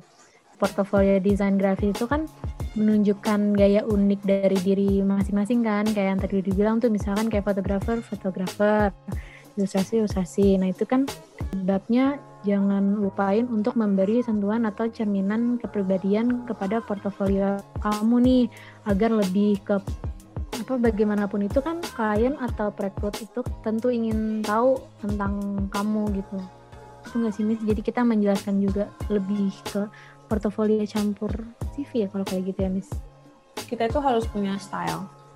Ya, kita harus punya gaya, gaya kita dong gitu kan. Tapi bukan berarti kita tuh misalnya tidak mau menerima masukan dari luar. Enggak. Kita terima masukan dari tapi kita harus punya gaya kita sendiri gitu loh. Di mana klien atau misalnya perusahaan itu akan lebih mudah mengingat kita dengan identitas karya kita yang seperti itu. Ayo dong coba cari karakter-karakter gaya desain uh, teman-teman tuh seperti apa. Tiap orang saya yakin Saskia, Raka, kemudian Arifa atau siapa pun itu pasti punya karakter yang berbeda gitu dalam membuat ilustrasi misalnya yaitu coba menjadi karakter itu akan berbicara akan berbicara dan akan menjadi daya jual skillnya yang kita punya Nih Miss di luar konteks ini sih Miss pengen nanya kalau Ya. misalkan dari Miss itu ada nggak sih Miss? Kayak kita gimana sih cara kita nemuin style kita gitu Miss? Gimana cara kita menemukan style kita? Yang pertama adalah kita harus tahu apa yang kita suka. Gaya uh, gaya desain uh, genre foto seperti apa yang kita suka. Ketika kita sudah tahu apa yang kita suka kita akan mau mempelajari apa yang kita suka. Ya ketika kita mau mempelajari apa apa yang kita suka maka itu akan membentuk karakter desain karakter foto yang akan menjadi portofolio kita. Kan gini Saskia pasti punya dong di ilustrator uh, favoritnya Saskia. Kalau misalnya Saskia punya nih gitu kan Saskia uh, punya favoritnya ada berapa? Be- ada beberapa sih Miss cuman kayak beda-beda style gitu kan. Cuman ya- ada salah satunya yang malah jadi kayak kebawa gitu. Cuman buk- bukan bukan menduplikat sih Miss. Lebih ke kayak style dia jadi ngikut aja. Jadi gini, ketika kita mengagumi seseorang ya, itu kan maksudnya tadi eh, misalnya eh, apa ada ketakutan kalau kita dibilang kayak duplikat gitu ya duplikat karyanya dia gitu. Itu karya-karya orang orang lain tuh nggak akan bisa diduplikat kok gitu. Karena pasti akan ada perbedaannya. Cuman memang sekilas akan tampak mirip tapi kalau kita perhatikan dengan seksama gitu ya enggak nggak bakal nggak bakal kita akan membuat karya yang serupa dengan idolanya kita gitu. Mungkin hanya menjadi inspirasi.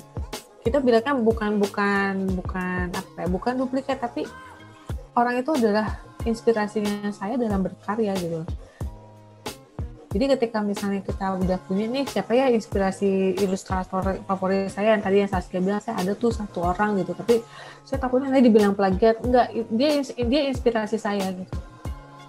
Iya, dan uh, Saskia mau bagaimanapun pasti kan tidak akan mungkin membuat karya yang semirip dia kan? Atau sama iya. persis nggak mungkin gitu. Itu sih tenang aja. Inspirasi bahasanya.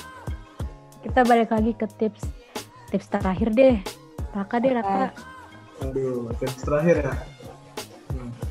Untuk tips terakhir, uh, kalau bisa sih sertakan rekomendasi klien bila ada uh, untuk memberi kesan yang wow gitu kepada para uh, calon klien atau perekrut atas hasil kerja yang selama ini telah kita lakukan.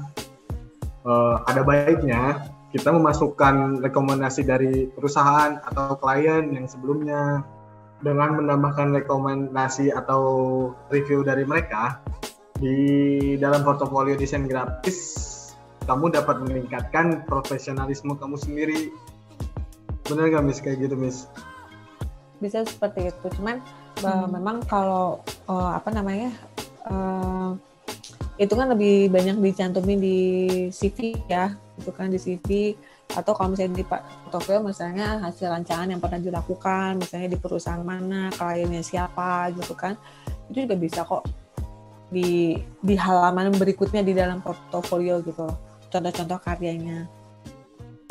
Gitu Raka. Tapi, tapi kayaknya kalau testimoni saya kayaknya belum pernah ya tapi nggak tahu ya. Kalau kalau sekarang saya nggak tahu ya mungkin mungkin diperlukan tapi lebih ke karya sih Hmm, ya. Itu bisa karya terus uh -uh, ini karyanya kliennya namanya siapa gitu kan. Uh, digunakan untuk apa kayak gitu kali ya. Nah, oke okay deh, segitu aja berarti tips-tips dari kita. Kalau misalkan disingkat dari yang awal sampai yang tadi akhirnya, Raka diminta pertanggung jawabannya. Aduh. Jadi kayak tadi yang pertama itu, yang pertama itu kalau tips dari kita itu tentukan tujuan portofolio portofolio kalian. Terus yang kedua itu pilihlah hasil karya dari semua karya kalian yang terbaik, pilih, pilih beberapa. Terus yang ketiga, tunjukin proyek yang beragam di dalam portofolio kalian. Terus yang keempat ada pilihlah platform yang tepat untuk portofolio. Lima, jangan desain terlalu berlebihan. Yang keenam, ceritakan kisah di balik karya kamu. Terus yang ketujuh itu tadi ada tunjukkan kepribadian kamu. Sama yang ke-8 tadi tuh yang rekomendasi klien ya. Bila ada itu pun bila ada. Hmm, ada lah pasti. Cuman kayaknya perlu nggak perlu terserah kalian ingin yeah. dimasukkan atau enggak. Nah, tadi kan nih ya dari awal nih kayak udah seru banget ini yang tadinya pengen bertanya hanya mungkin lima pertanyaan menjadi beberapa pertanyaan sangat banyak sepertinya kayak Misata udah capek menjawab kita Rak. nah dari enggak, enggak. oh, enggak. boleh ditambah durasinya sampai jam aduh aduh aduh kuota Nah, oke deh dari awal tadi kita ada banyak nih berbincang-bincang dan udah seru banget deh pokoknya bareng Miss Tata dan gak kerasa nih kita udah ada di penghujung podcast kita. Pokoknya kesimpulan dari keseluruhannya adalah yang kalau misalkan kalian pengen ngebuat portofolio, fokusin aja deh ya Miss sama satu, jangan terlalu banyak ragamnya.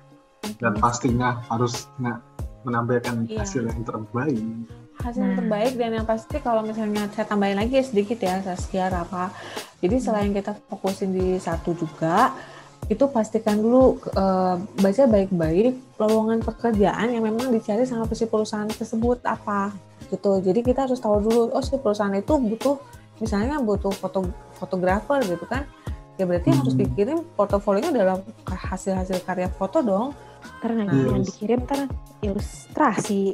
Kayak Ah, iya. Gitu.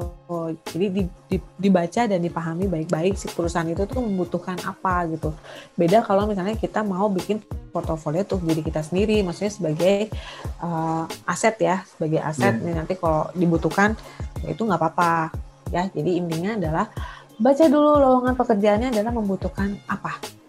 Begitu guys, tips dari Hmm. Miss Tata.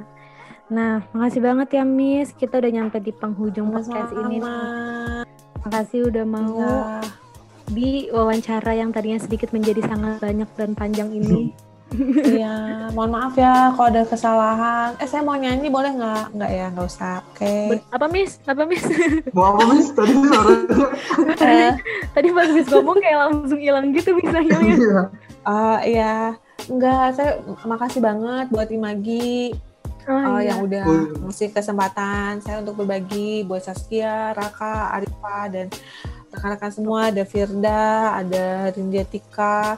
Ya mohon maaf kalau ada kesalahan dalam eh, apa ya misalnya ya tadi ngobrol-ngobrolnya terus tadinya ya itu eh, saya pikir eh, penutupnya saya disuruh nyanyi enggak ya Oh Miss mau nyanyi mungkin satu bait juga nggak enggak dong aduh Kita mah nerima aja Miss. iya benar. Aku langsung pada ya. Kali aja kan yang denger yang denger podcast ini kayak lagi mau tidur gitu Miss. Dengerin Hmm. malam-malam. Iya denger Barangkali Bener langsung ya. Mau nyumbang satu lagu atau gitu kan. Jadi Wih, tertidur Iya, langsung gitu Miss.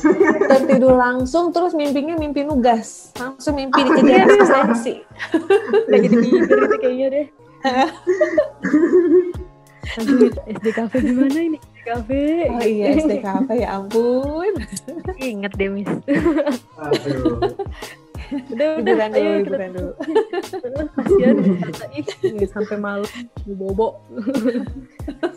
Kita juga berterima kasih banget Miss Iya. udah udah bisa meluangkan waktunya. sama-sama Raka Saskia semuanya atur nuhun pisan maaf ya kalau ada salah-salah kata mudah-mudahan eh, berfaedah ya berfaedah Wah, sangat sangat berbeda. Ya Miss, sangat salah. Miss. Sampai tadi kan itu, Miss. Pertanyaan sedikit menjadi sangat panjang itu karena saking bermanfaatnya, Miss. Oh iya, benar. Alhamdulillah, hirobi alamin. Yang penting mulai rajin-rajin bikin portofolio dari sekarang. Jangan nunggu pas mau KP baru bikin portofolio. Tuh, Heeh, dengar ya. tuh. Eh, tolong ya, du, itu durasi gitu kan. Takutnya kalau mau buru-buru tahu sendiri dong. Kalau apa, the power of kepepet kan ya. Tapi rata-rata orang-orang pada seneng gitu ngerjainnya tuh the power of kepepet Miss. Ih, itu udah turun temurun kalau anak desain begitu. Tapi biasanya kreatifnya di situ, Miss. Ih benar. Ah, ah, Deket-deket deadline ya. Dan Biasa, eh, emang kalau ah, ah, kalau anak desain tuh biasa di pressure dulu sama deadline. Harus Iya. beres nih jam segini. Oke, baru beres. Aduh. males-males janganlah. dulu, males-males. Dan juga pas, wah besok ternyata kumpulinnya. Kita kerjakan malam ini, beres, iya, benar. Tapi kan secara kualitas belum tentu. Coba iya, deh. betul sih. Ah. Coba mulai dari sekarang, ya terutama yang mau KP-KP, stok mulai disusun portofolionya.